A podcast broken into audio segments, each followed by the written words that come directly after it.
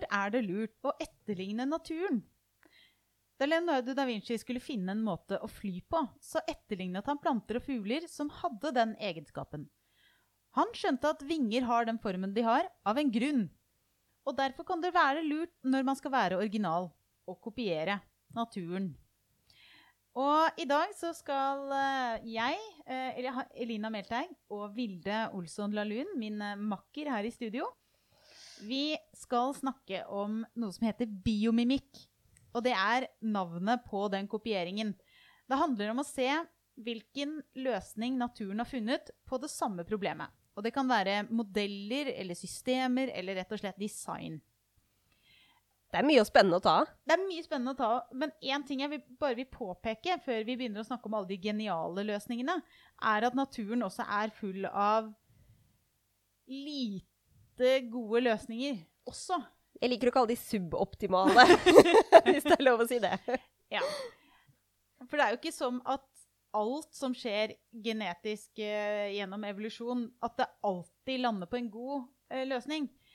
Så selv om biomimikk kan være lurt og en fin måte å finne gode løsninger på, så må man også, bare før man setter i gang, så bør man sjekke hvilke begrensninger biologien har. Fordi evolusjon er på en måte et system som optimaliserer innenfor de rammene som er gitt. Så hvis du har genetiske eller miljømessige begrensninger som gjør at du ikke kan nå eh, det som kanskje egentlig er mest optimalt, da, så eh, vil jo ikke vi heller skjønne det. Så man må bare alltid huske på at de begrensningene er der. Ja, det er jo eh, jeg syns det er mest gøy med å ta sånn eksempel. Det er mange eksempler som ikke er helt optimale. Sånn at uh, høyre halvdel av hjernen vår styrer liksom uh, Styrer venstre, styrer venstre del av kroppen, ja. Det må jo skje en veldig kompleks kobling baki der et eller annet sted. Det er jo ikke optimalt. Jeg, jeg tenker at mitt favoritteksempel det er at vi snubler rundt på to bein. Jeg tenker at det er en litt dårlig idé. Uh, av mange grunner. Det har jo f.eks. gjort at menneskets fødselskanal er særdeles eh, trang og en dårlig løsning i forhold til de dyra som går på fire ben, da, f.eks. Jeg liker at vi sitter her og eh, sier at fødselskanalen er dårlig løsning. Ikke har vi barn. Og nei, nei, nei. Men det er, dårlig løsning for det. er lite fristende å ha barn ja, når du ser på hva som må til. Det er bare det jeg sier. Eh, mens du har liksom dyr som går på fire ben, så liksom bare skvetter de ut på egen hånd. Ja. Jeg liker det. Eh, Fordi du kan ha en litt sånn større åpning baki der. Så det er på en måte en av grunnene til at jeg tenker at to bein er en dårlig løsning. Men, um, Men det er mange kule løsninger. Det er mange kule løsninger. Og vi skal nå gjennom noen av dem. Og det første eksempelet som jeg har trukket fram på hvorfor det kan være en god idé, det er eh, en fugl som heter isfugl på godt norsk. Og de kjennetegnes ved at de har et kjempestort nebb, ganske langt nebb, en fantastisk fjærdrakt. Så hvis du nå har tilgang til det store internett, så anbefaler jeg at du tar og kikker på isfugl. Hva googler man da? Isfugl? Da googler du isfugl. Hvis jeg noen gang skulle blitt fuglekikker, da er isfugl en sånn fugl som det er verdt å se på. Fordi den er flott å se på. Den har et kjempestort, flott hode. Og korte, relativt korte halefjær. Og det hender at de dukker opp i Norge. Ikke sånn fast, men de hekker, hekker her tidvis. Og de spiser av veldig mye forskjellig, men veldig mange av disse isfuglartene de lever av fisk. Og det de da har spesialisert seg på, det er å sitte på en liten grein over vannet, speide ned, og så dykke med ø, relativt stor hastighet ned kjapt under vann, ta fisken og opp igjen. Og de har jo ikke svømmeføtter, så her flakser de eh, rett og slett eh, under vann. Og hodet og nebbet er spesialisert for å ikke egentlig forstyrre vannoverflaten så mye, sånn at den, den kjøper seg litt ekstra tid i form av eh, fiskens reaksjonshastighet. Hvis du skjønner hva jeg mener.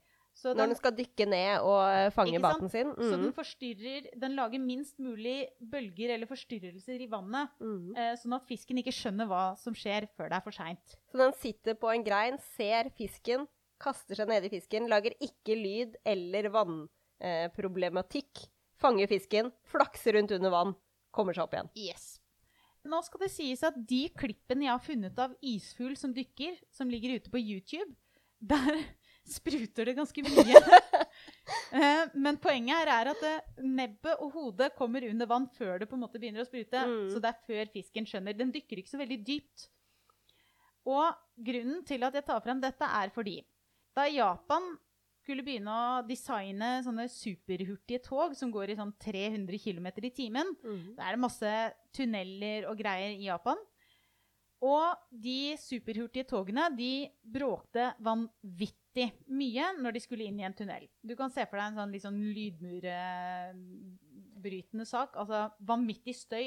Og det kom av at det er litt ulik tetthet på luft, varm luft utenfor tunnelen og kald luft innenfor tunnelen. Du kan sammenligne det med at det er ulik tetthet i luft og vann. Litt sånn som at isfuglen på en måte går fra luft til vann Mm. eller lav tetthet til høy tetthet. Det samme skjer med de togene. Når de går gjennom tunnelen. Yes. Og La hvis, meg gjette. hvis du da vil Ja, det vil jeg. ha et tog som liksom skal dykke inn i tunnelen uten å bli merka, eh, da bør du ha et isfuglaktig nebb. Så hvis du ser på Shinkansen-togene Nå vet ikke jeg om det er sånn man uttaler det. Vi har, vi har øvd. Og Vi vi har kommet fram til Shinkansen, så jeg gjetter på at det er sånn det uttales. Dette er min beste japansk-norsk. Shinkansen. Det er det jeg tror det heter. Mm. Så disse Shinkansen eh, superhurtigtogene de har nå en utforming som ligner på nebbet til en isfugl. En litt sånn lang, smal snute som gjør at de dykker inn i tunnelen. Og det reduserte støyen helt vanvittig mye. Men det hadde en bieffekt som jeg tror de ikke hadde tenkt på, som var en sånn hyggelig overraskelse. Og det var at de brukte 15% mindre støm, og at de går 10% raskere enn med en litt sånn der flat uh, tog, uh, togsett. Så ved å forme snuta på toget etter isfuglen, så sparer de strøm, mindre støyproblemer, og de er raskere. Det er jo faktisk helt sykt. Jeg tenkte med en gang på, når du nevnte dette, at det burde du ha på det toget som går gjennom Oslo. Som går fra Oslo S og utover. De bråker så forferdelig mye når du kommer ut av tunnelen med mm, Holmlia der. Eller den veien. Altså, du ser på gamle tog, så er de ganske flate foran. Ja. Og hvis du ser på nye tog, så er det liksom litt mer sånn spisse. Ikke mm. helt isfull, litt mer sånn dompap, kanskje. Men vi, vi er i Norge. Det, Norge vi- er på vei. Vi er på vei. Det tar bare litt tid. Eh, Det tar litt tid. Jeg tenker, Dette er et godt eksempel på at det er eh, sånn rent design. En annen liten fun fact når det gjelder isfuglene, som er morsomt, det er at eh, de kan se under vann. eh, For de har gjennomsnittlige øyelokk. Seriøst? Ja. Så utrolig gøy. Så, så de, de kan faktisk eh, ta seg et lite dykk, da. Og se hva de fanger. Ja. Nei, det var egentlig veldig Og det er jo smart stilig. når du lever av å dykke. Det, det er veldig, og så tenkte jeg det hadde vært smart for oss òg, for alle gangene jeg dykker Jeg liker jo å tro at jeg er kul og har øynene åpne under vann, men jeg har jo ikke det. så jeg tror det hadde vært lurt for oss, for meg i hvert fall også. Jeg jeg har alltid øynene igjen når jeg dykker. Ja.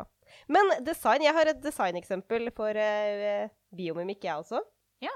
Jeg fant ut, det er en stund siden, i 2008, det kan hende de har jobba med det ennå, men da har Nissan kommet fram til at de har lyst til å lage et antikrasjsystem for, for liksom bilsikkerhet basert på Vil du gjette? Du vet jo egentlig. Ja, altså du klarte jo ikke å la være å si det. Klarte ikke det, så du vet det jo. Det er litt dumt å la meg gjette. Ja, det er det. Men det var kult. Ja, du, det var kjempekult, men du kan bare si det. Det er basert på øyner til humler. Og insekter generelt, med humler og bier, da. Så sånne såkalte Jeg liker, jo, eh, jeg liker jo å kalle de for sammensatte øyer, men de heter egentlig fasettøyer. Det heter compound eyes på engelsk på engelsk. Og disse fasettøyene de er kjempekule, for hvis du ser nøye, nøye, nøye på et eh, humleøye, så ser du at det er mange, mange, mange bitte små øyer som er satt sammen til ett stort. Og alle disse små øynene de sender hvert sitt bitte lille bilde til hjernen.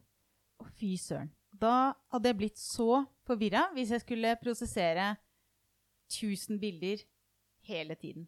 Og ikke nok med det, kjære Elina, det er at disse øynene de er liksom på sånn siden av hodet. Ikke rett fram sånn som vi er. Det er også en design som jeg syns er litt sånn suboptimal, hvis jeg kan si det. Du, du mener at øynene i nakken hadde vært litt bedre? Ja, litt sånn rundt så vi ser litt mer, i hvert fall. Men disse øynene til humlene ser faktisk 300 grader av det som skjer rundt humla.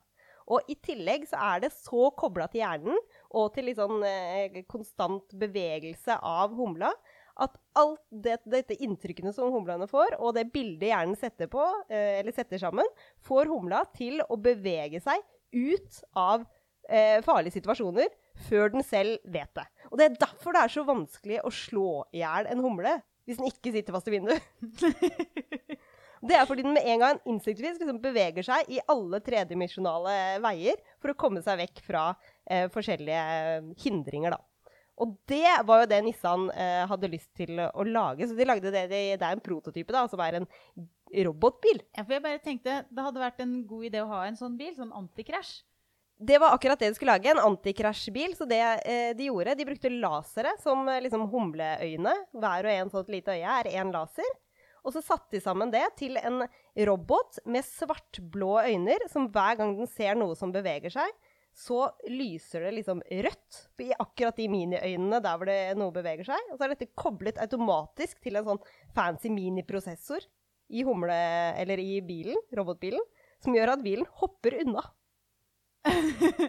Bokstavelig talt. Bokstavelig talt så beveger bilen seg unna, liksom instinktvis, når det kommer en annen bil eller et menneske eller et eller annet forbi. Og så er det viktig å tenke på at nå er dette en prototype som er sånn Jeg tror den var 12 cm høy og kjører på flata og er en robotbil. Så vi er, nok, vi er nok litt igjen. Og så leste jeg et sted at de, de, fant ut at det var veldig vanskelig, for humla er jo liksom tredimensjonalt og går oppover og nedover og alt, men det gjør jo visstnok ikke bilen. Og bilen har jo hjul. Så det Ja, så vi har noen begrensninger. Men du sier 300 av 360 grader. På humla, ja. ja. Mm. Så hvis du skal slå en humle, betyr det at du må liksom finne ut akkurat hvor de der udekte 60 gradene er? Ja. Det er akkurat det. Jeg satt faktisk og vurderte, jeg skulle egentlig lese om denne robotbilen, men så ble jeg så fascinert av humleøynene, så jeg leste egentlig mer om de. og da satt jeg og tenkte på hvor skal jeg slå en humle for at den mest sannsynlig blir tatt. Og jeg, basert på hvor jeg så øynene og hvor jeg burde slå, så er det liksom nedenifra og og over. Men jeg er jo egentlig mot å slå humler, da. Jeg vil at man skal slippe dem ut, for jeg er litt sånn vil veldig gjerne Jeg lager jo nesten humle- eller bie- og humlehotell i hagen, så ikke prøver ikke å slå dem. Vi prøver ikke å slå dem. Eh, men det er, greit å, det, er, det er greit å vite at den har en dødsone. Den har en dødsone. Altså, eller en sånn blindsone, heter det vel. en blindsone. Ja, en dødsone, bokstavelig talt. Dødsone. Når Elina er i nærheten, blir det dødsone. Ellers er det blindsone. Nei, jeg slipper det ut. ja, det. Åpne vinduet, jeg. Det er bra. Det er Men bra. Det er egentlig litt fascinerende å tenke på.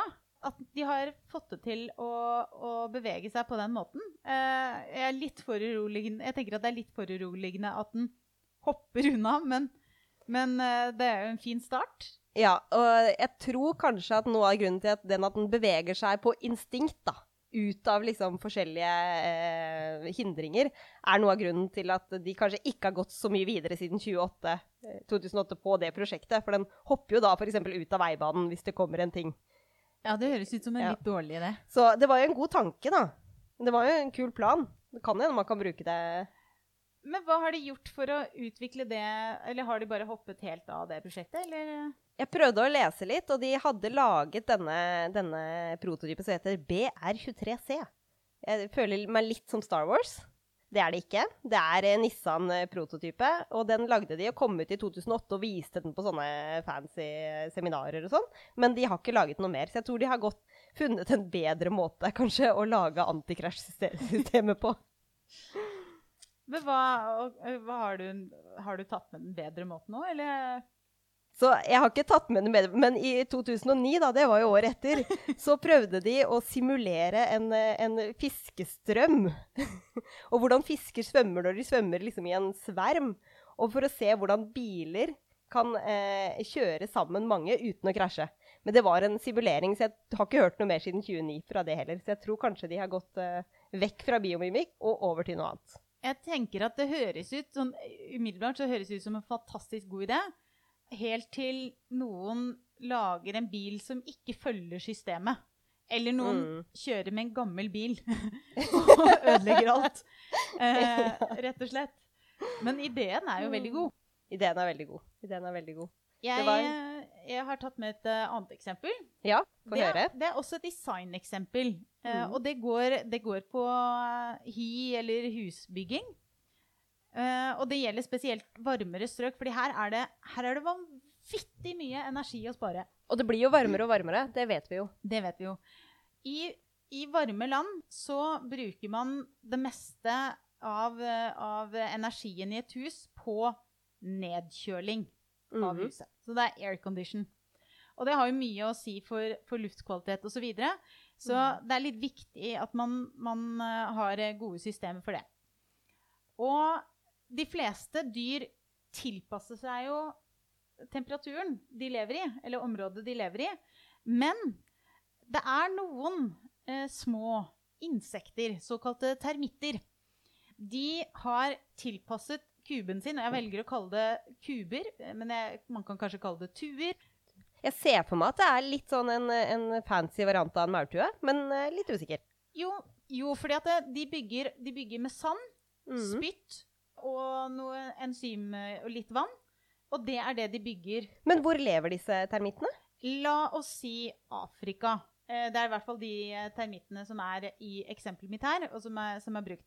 Og de, de kan lage husene sine av Åh, nå står det stille. Ikke gjørme, men uh, leire. Leire. Yes. Mm. Leire, og noen andre termitter bruker sand. Men det er, det er på en måte det samme prinsippet som går igjen. Mm. Uh, og da bygger de noen sånne vanvittige tuer. De kan være flere meter høye. Og i og med at de laget av et litt sånn steinaktig materiale, så skulle man tro at disse ble varme inni. Mm. Vanvittig varme inni. For de er i ørkenen. De er i ørkenen. De er i ørkenen.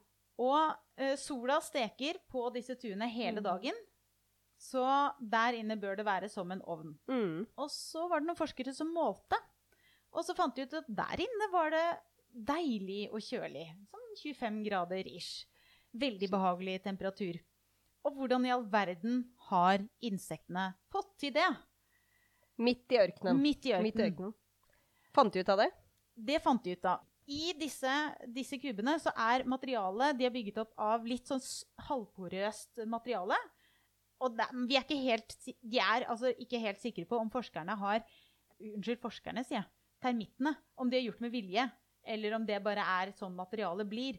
Men resultatet av det er at du har et, et hus som er litt sånn eh, porøst, og så har du ganger. Og hvis du ser for deg en ballong mm. med luft.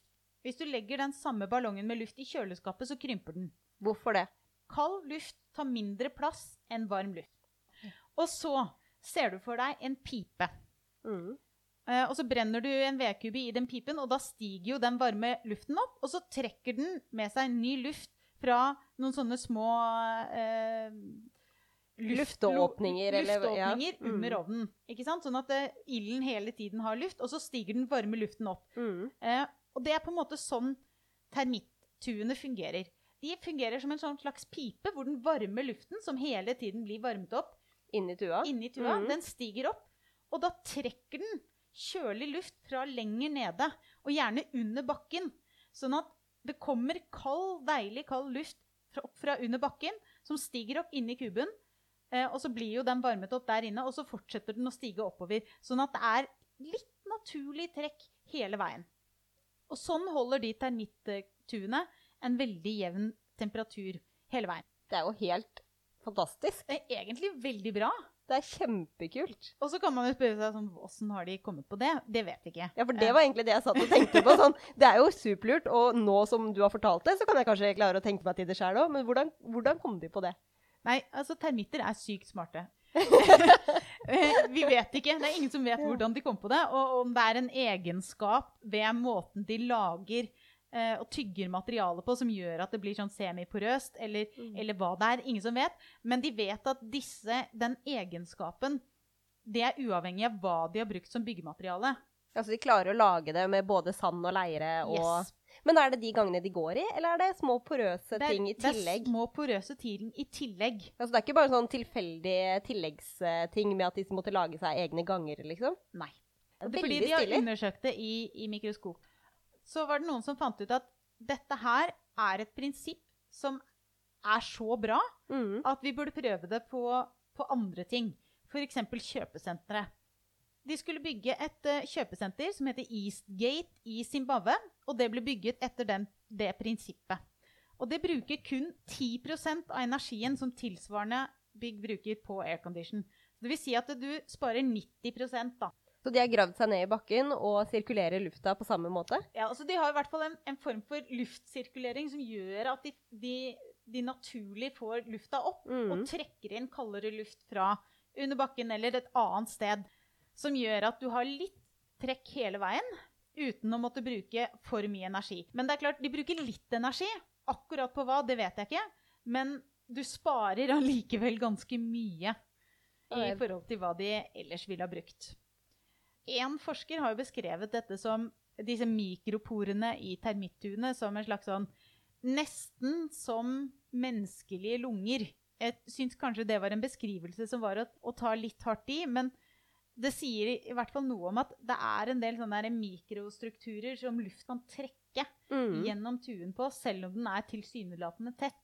Eh, så det er, eh, det er rett og slett litt, eh, litt spennende. Det er så mange kule ting som eh, disse dyrene eller eh, plantene har klart å finne ut, og som vi hermer etter i vår eh, verden i dag.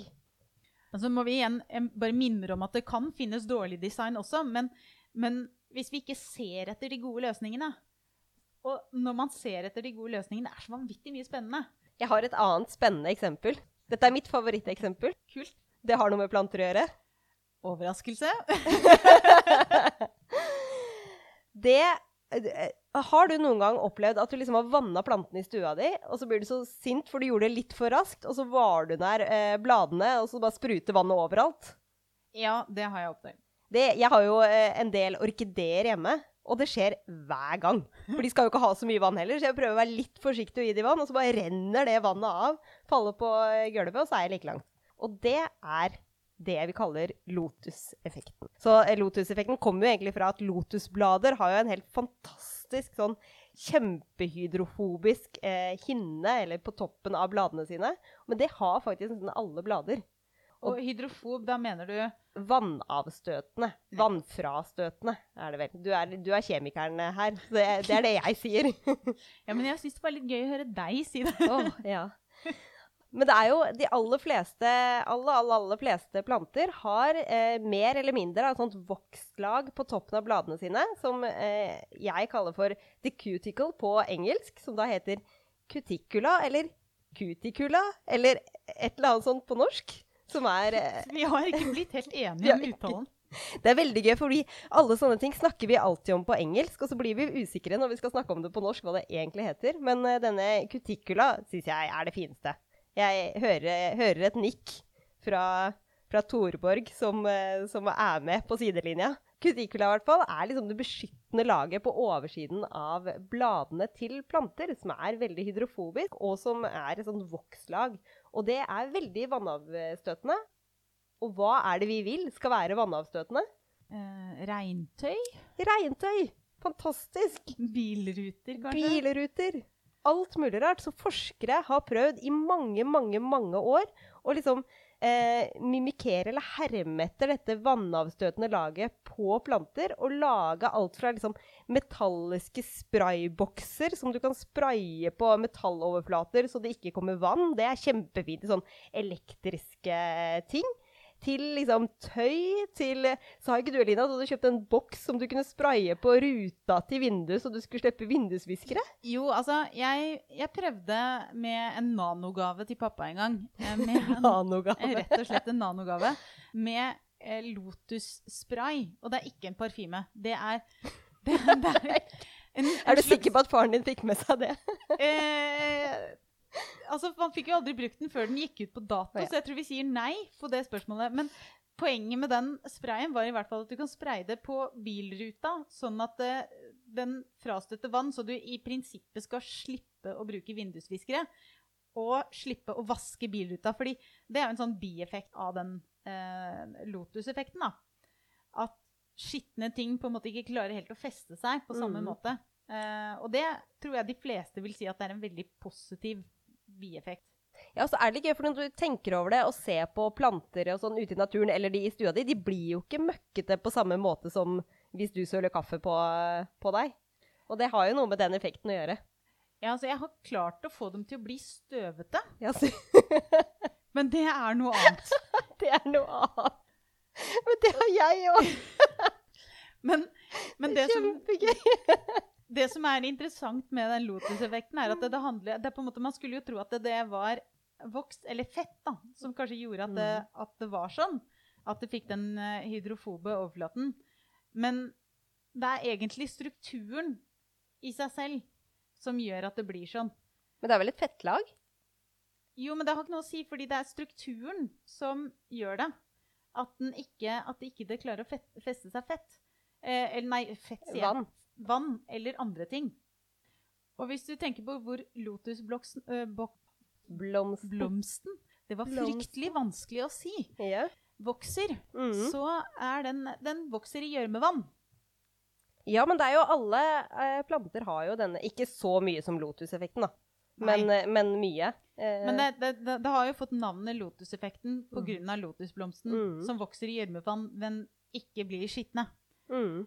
Og så kan du si at alle planter har, har en sånt vokslag eller, eller har den effekten. Men det har fått navnet fra lotusblomsten. Og det er på en måte den lotussprayen tror jeg etterligner overflaten på lotusblomsten med disse små Men jeg søkte på det, og visstnok er lotuseffekten så hydrofob og så selvrensende og så bra at det er ingen som har klart å lage den ennå. De har klart nesten. Ja, ja. Jeg Så det var helt, eh, De har klart mange andre liksom, planter å komme opp til dems nivå, men de har aldri klart lotuseffekten. Jeg tror Nei. det er det ultimate. og jeg, jeg tror nok at vi er Det er ikke så veldig rart å tenke at vi er et stykke unna, fordi de har jo de har jo øvd på dette i Jeg vet ikke hvor lenge den arten har eksistert, men det er liksom, dette er perfeksjon eh, evolusjonsmessig sett. Så, og det er, det, er liksom, det er jo krise for den planten da, hvis den blir møkkete. Fordi Mm. hvis du får et skittlag som dekker for at du ikke får fotosyntese, så dauer du. Det er sant. Det er Så sant. det er kritisk å være ren Ja. hvis du vokser i gjørmevann. Og ja, vi mennesker burde hatt sånn lotuseffekt, vi også. Det hadde vært praktisk. Dekket av en sånn derre Ja, nei, nå kan Mm. du bade så mye du vil i gjørmevann, for du kan ikke bli skitten. Ja, det er ikke sånn- mulig. Dusjer du hver dag? Nei, jeg har sånn lotuseffekt, jeg. Altså, kanskje, Det er jo mulig å kjøpe den sprayen, da. Altså, men altså, vi, det må jeg bare si, vi får ikke betalt for å si det. Nei, det, nei, det gjør vi. Og dere som produserer dette produktet, må gjerne ettersponse oss for dette. Alle de som har sånn der tan-spraying-senter, så kunne vi gått inn med lotusspray. Og sånn, da, da, kom en gang i måneden, slipper du å dusje. For da har du spraya med lotus. Selvrensende Lotus-effekt. det er veldig viktig å ta Lotus-effekten etter tansprayen. For hvis du tar Lotus-effekten først, så blir du jo ikke tan. Da, går du bare av. Eksperthjelp for å finne ut hvilken vei du skal ta dette. Ja, OK. Okay. Da blir det vi går videre. du, Har du et litt mer ordentlig eksempel enn uh, tan-spray av lotuseffekten, Elina? Jeg har et kjempeeksempel, og det er, det er vanvittig bra, til og med. En av de tingene som vi sjelden syns er gøy, det er parasitter. Eller det er gøy å studere på Sånn, avstand. som eh, molekylærbiolog syns parasitter er kjempegøy. Okay. Kanskje ikke ha det i cella. Nå lurer jeg på hvor vi skal hen. Vi skal opp bak i, på en fisk. Ok. Eller en fugl.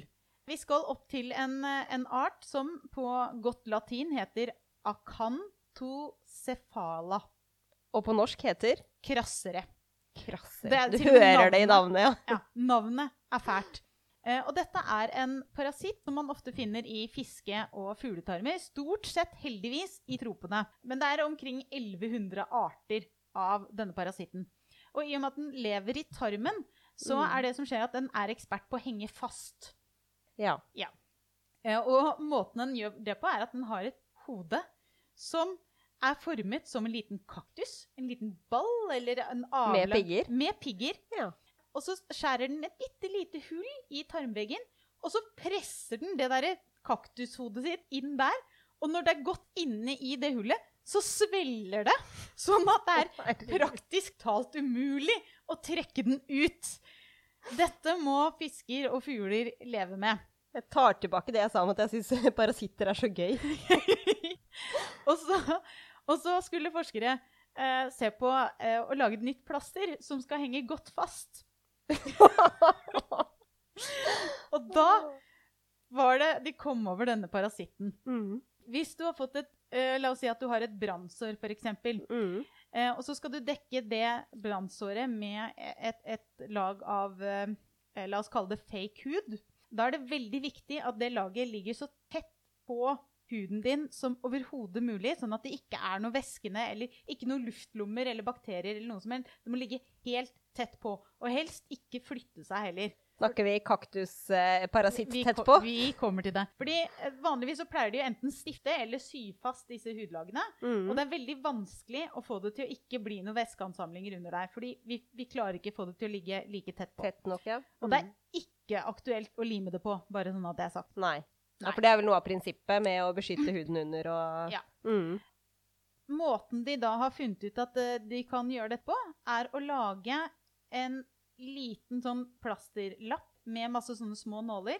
Og de nålene, på tuppen av de nålene så er det et materiale som reagerer når det kommer i kontakt med vann, slik at det svelger opp som en sånn bitte liten ballong.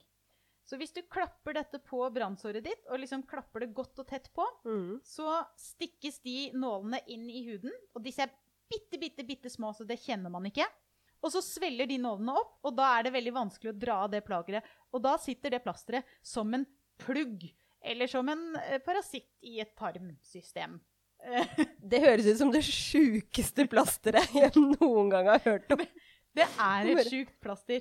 Og så har de også, men de har også funnet ut at det går an å ta det av. Du får det av igjen. Eh, og da er det sånn at de små boblene de er ikke, det er ikke verre enn at du faktisk klarer å liksom lirke dem ut. Men var det ikke nåler? De nålene. Ja. Jo, men de ballongene som svelger svelger ja, opp, på utsiden De eller på innsiden? de sitter på en måte på tuppen av de Mm. nålene. Så i det, du, du, det er mulig å liksom trekke det av, og det gjør faktisk mindre skade på huden og vevet Ja. enn alternativene.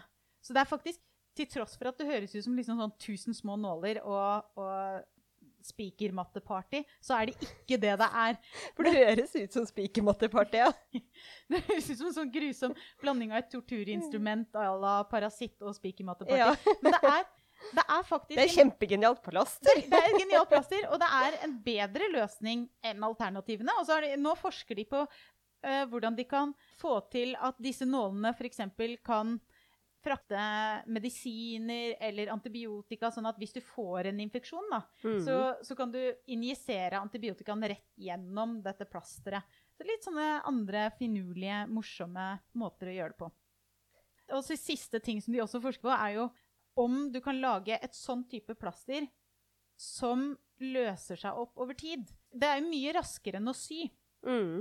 Og sikkert mye bedre på huden, siden du ikke får sting Nettopp. og tråd eller sånn. Ja. Men det de vet, er jo at dette funker i innvollene. Så hvorfor ikke liksom oh, ja. Hvis du skal Inni ha, deg. ha Ja, for det er jo en, en innvollsparasitt. Nettopp. Så hvis du skal ha en, en operasjon inni deg, da, hvor som helst i kroppen eller i Mhm. tarmsystemet eller hva som helst, så er det jo Du bruker masse tid på å sy små sting som du heller ikke kan ta ut. Mm. Og, og den tiden Det er jo litt sånn at du kanskje ønsker å lukke det såret så fort som mulig. Mm. Hvis du bare kan liksom holde stæsjet på plass, og så plastre på en sånn liten bit, og så sy igjen hele såret, istedenfor å måtte knøtte korssting eller hva søren de bruker inni der, det sparer dem for mye tid, og da Og hvis de får et sånt plaster som blir borte, så behøver de jo ikke, da er det jo ikke noe sting å ta opp. Og de vet jo at det funker. eh, Så de forsker på det. Eh, dette her, eh, den eh, plastergreia som jeg fant, ble publisert i 2013. Jeg har ikke hørt noe om at man har begynt å bruke sånn genialt eh, nåle-spikermatte-parasittplaster. Men eh, jeg regner med at de forsker videre på det, og at vi kanskje en gang i framtiden eh, får, får noe som funker. Jeg syns det var veldig kult, og jeg syns det var kult at du hadde et sånt eh, eh, menneskesykdomseksempel, for det har jeg òg. For det eh, som jeg har funnet ut av forskere har gjort, det er å prøve nettopp eh, det du sa, å tilføre medisiner akkurat der hvor det trengs. Og den medisinen snakker om, er antibiotika. For vi er jo litt redde for antibiotikaresistens eh, her i denne verden. Og noe vi bruker veldig mye antibiotika på, er å behandle urinveisinfeksjoner. Og det som eh, forskere nå har prøvd på, er å liksom herme etter bakterien som faktisk gir oss urinveisinfeksjoner. Og det er veldig ofte en type E. coli-bakterie. Og den bruker noen helt spesifikke liksom, overflatesukkermolekyler til å binde seg fast på helt spesifikke steder liksom, inni urinveiene dine og sette seg der og skape infeksjon. Og hva gjør vi mennesker? Jo, vi spiser en antibiotikatablett og behandler hele kroppen med antibiotika. Men det forskerne da har lyst til å gjøre, er, eller har prøvd på, er å herme etter det overflatesukkeret på en sånn liten slags eh, hinne eller en liten ting som beveger eller leverer antibiotikaen akkurat der hvor bakterien sitter fast. Så de kler ut antibiotikaen som bakterie? Ja. Ja. De kler ut antibiotikaen som bakterie. Etter bakterien. Det er verdens beste halloween-kostyme! Tenk om, Hvis du Ja! kler deg ut som en E. coli-bakterie, så kan jeg kle meg ut som antibiotika med det samme kostymet. Det hadde vært supergøy! OK, det blir eh, årets halloween-party. Og det funker! Det er en kjempeidé! Ja.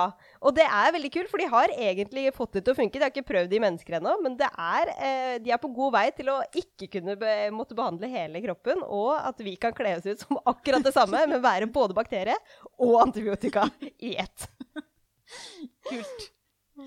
Jeg har et siste eksempel, og det er eh, mygg. Det er jo ikke akkurat mitt favorittdyr, det tror jeg vi kan si. Eh, de har en veldig viktig funksjon i naturen, så jeg skal ikke liksom underkjenne det. Men, men eh, jeg var veldig plaget av eh, disse små blodsugerne i min barndom. Og jeg er halvt finsk, så la oss bare si at myggen i Finland de har, en, de har, de har litt størrelse.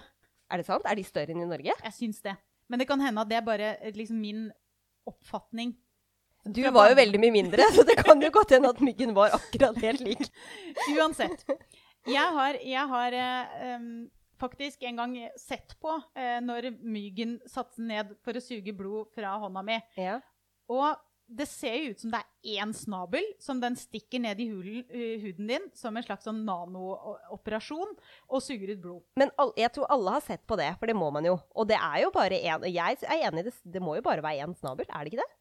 Men den snabelen den er på en måte et rør som skjuler en slags lommekniv av uh, apparater. Inni den snabelen så er det seks nåler.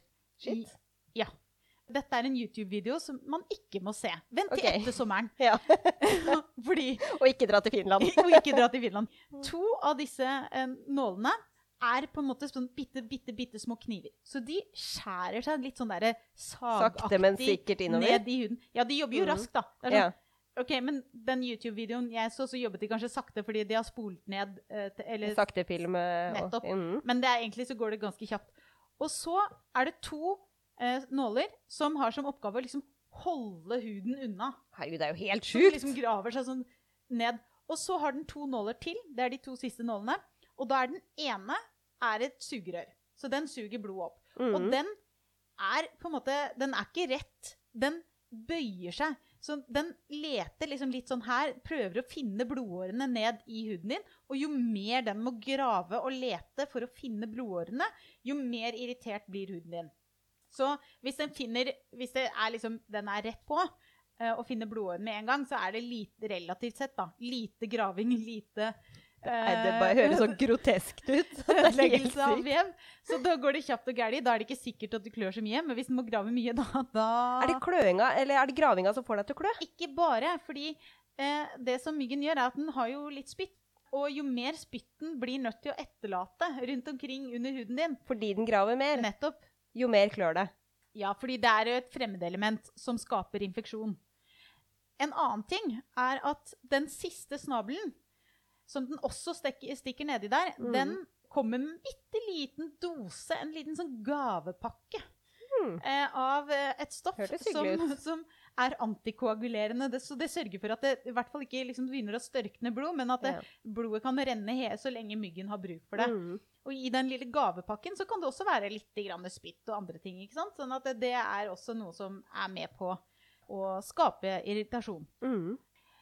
Og hvordan, nå lurer jeg, hvordan skal vi bruke dette? Ja, ikke sant? Hva er det som er bra med dette her? Ja. Eh, stort sett så merker du ikke at myggen stikker før den er ferdig. Det er sant. Mm. Ja. En sjelden gang så kjenner du det, men stort sett så Mhm. merker du det ikke før etter at den er ferdig. Og det fikk forskerne til å tenke at kanskje vi kan lage en litt mindre ny type nål basert på myggens sugeredskap. Og sånn at man ikke merker at man stikker. Yes! Og det er jo hyggelig. Det er veldig veldig for det er hyggelig. relativt mange mennesker som lider av såkalt trypanofobi, altså frykt for nåler. Nålefrykt, ja. Yes. Ja, det er jo det.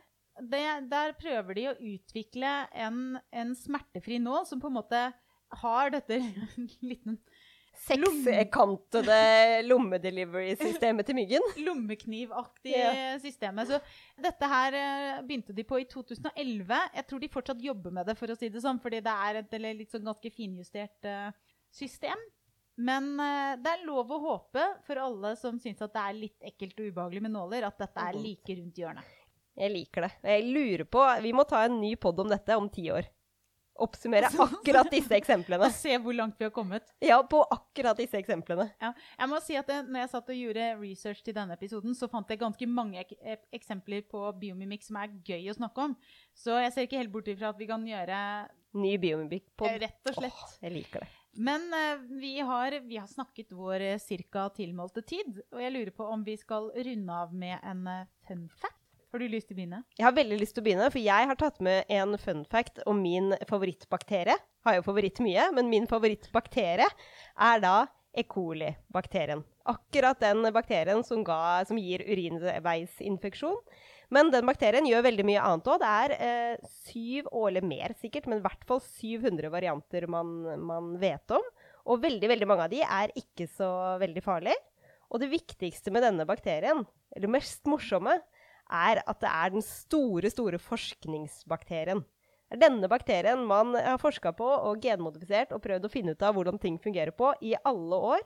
Så lenge at det faktisk har kommet elleve nobelpriser ut av forskning kun på E. coli-bakterien. Det er sykt. Og det som også er sykt, er at dette Er er, eh, Er Ja. det den organismen som har fått flest nobelpriser? Åh, nå spør du vanskelig, men jeg gjetter på ja. Eller mennesker hadde jeg gjetta hadde fått eh, mest, siden vi er veldig selvopptatte som en art. Men, eh, men utenom det så hadde jeg gjetta på at E. coli var den arten som hadde gitt oss flest eh, nobelpriser, ja. Og det syns jeg er veldig spennende, for den er jo veldig enkel, primitiv, en bakterie. Så det er kult at den blir så, så stor og får så mye blest i nobelprisverden, om jeg liker å si det. Men eksempler som har blitt eh, Eller jeg skulle bare ta med ett, da. Som eh, man har gjort på E. coli, er å gjøre det om til en liten sånn eh, fabrikk som produserer liksom substanser og ting vi trenger. Og mine favoritteksempler på det er jo f.eks. hormonet insulin, som alltid produseres i E. coli, og som man kan isolere ut der. Og også en cellegift som heter taxol, som produseres i E. coli-bakterien. Så den lager rett og slett kjemikalier for oss. Den lager kjemikalier for oss. Så den er kanskje også den nyttigste, mest gjennomforskede bakterien. Det, det er den. I tillegg til at den gir oss urinveisinfeksjon. Det er det som er så gøy. Den gjør så mye. Jeg, Ja, hva er din uh, fun fact, Elina? Min fun fact er om termitter. Å ja! Fordi, og det er ikke mitt favoritter, men de er rimelig kule. Uansett. Termitter er fulle av jern, kalsium, aminosyrer og proteiner. Så hvis du har lyst på en litt alternativ diett, så er termitter et godt sted å starte. Mm. En fun fact om termitter som jeg syns er morsom, er at de sover aldri. Hæ? Yes. I, uh, ifølge internett. Og den siste, og absolutt aller, aller morsomste fun facten om termitter, det er at når, når termitten blir født, så bestemmes rollen til den termitten senere i livet. Den bestemmes roller? av feromonrik eh, Altså feromoner, det er en type eh, Kall det signalsystem. Mhm. Signalhormon Med lukt. med lukt. Så feromonrik dronningbæsj. Det er det som avgjør hvilken skjebne du får som termitt senere i livet. Du får rett og slett en liten dose dronningbæsj, og der er liksom Dette er, Da er livet bestemt. det er livet bestemt. Dette er dritten du må leve med resten av livet. talt. Og det er det vi hadde for i dag. Vi takker for at du ville lytte. Eh, minner om at eh, det er lik og del. Eh, gi oss gjerne tilbakemelding, og så kan du selvfølgelig sende innspill og tilbakemeldinger til biopodden at bio.no. Takk for i dag. Ha det bra!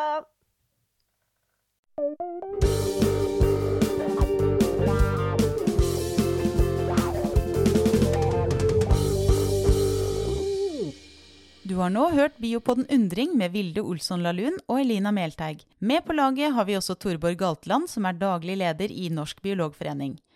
Biopodden utgis av tidsskriftet Biolog, som eies av Norsk biologforening. Disse utgivelsene skjer i samarbeid med Tidsskriftforeningen, med midler fra Fritt Ord. Musikken du hørte, er laget av biologibandet Overgump, som består av Even Sletteng Garvang, Markus Fjelle, Erik Møller og Mathias Kirkeby. Fortell gjerne om podkasten til venner og kjente, og gi oss tips og tilbakemeldinger på e-posten biopodden alfakrøll bio.no.